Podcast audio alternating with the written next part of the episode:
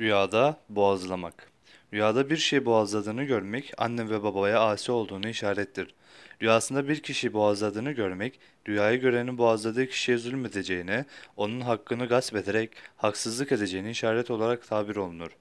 Rüyasında bir şeyi boğazlamak bazen evliliği işarettir.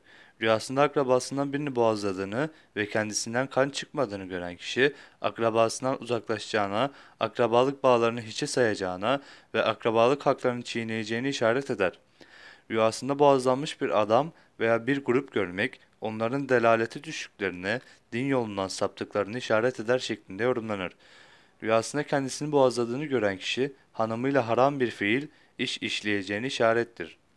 Rüyasında anne ve babasından birini veya evladını boğazladığını ve boğazlayıp kestiği halde kan çıkmadığını gören kişi bu kişilerle arasının iyi olacağına ve eğer kan çıkmamış olduğunu görürse rüya sahibi anne ve babasının asi olur ve asi olacağına veyahut da evladı kendisine yani rüya sahibine asi olur şeklinde tabir olunur. Rüyasında bir kadını boğazladığını gören kişi o kadına yakın olacağını işarettir.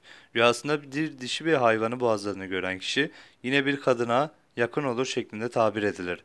Rüyasında erkek bir hayvanı ensesinden kesip boğazladığını gören kişi bir adam livata yani erkeklere cinsi sapıklık eder şeklinde de yorumlanır.